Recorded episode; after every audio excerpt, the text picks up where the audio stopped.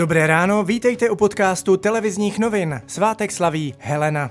Dnes bude zataženo, odpoledne déšť, večer oblačno. Teplota se bude pohybovat mezi 24 až 26 stupni Celzia.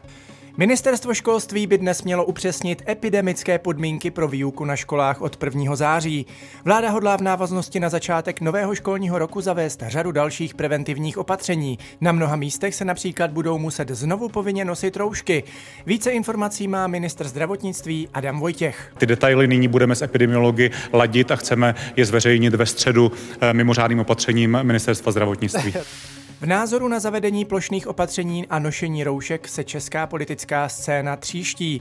Například Piráti a TOP 09 vládu kritizují, že tají data, na základě kterých život v Česku omezuje a že není schopna připravit plán na více než 14 dní dopředu.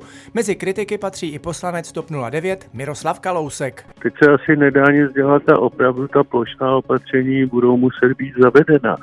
Ale ptejme se proč, eh, protože vláda promarnila čtyři měsíce času, který jsme si Traze koupili na jaře, aby už žádná plošná opatření nemusela být aplikována, aby byla aplikována pouze opatření chytrá a cílená.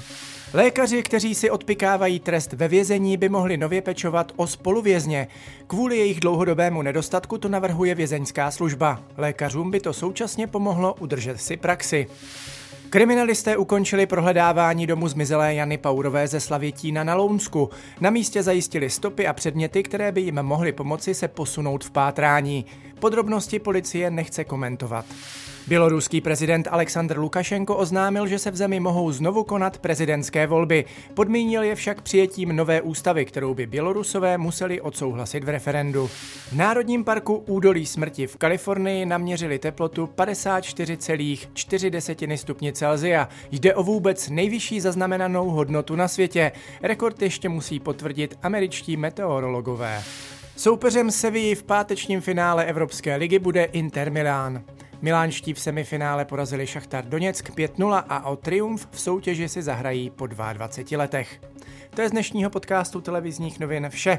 Mějte fajn den.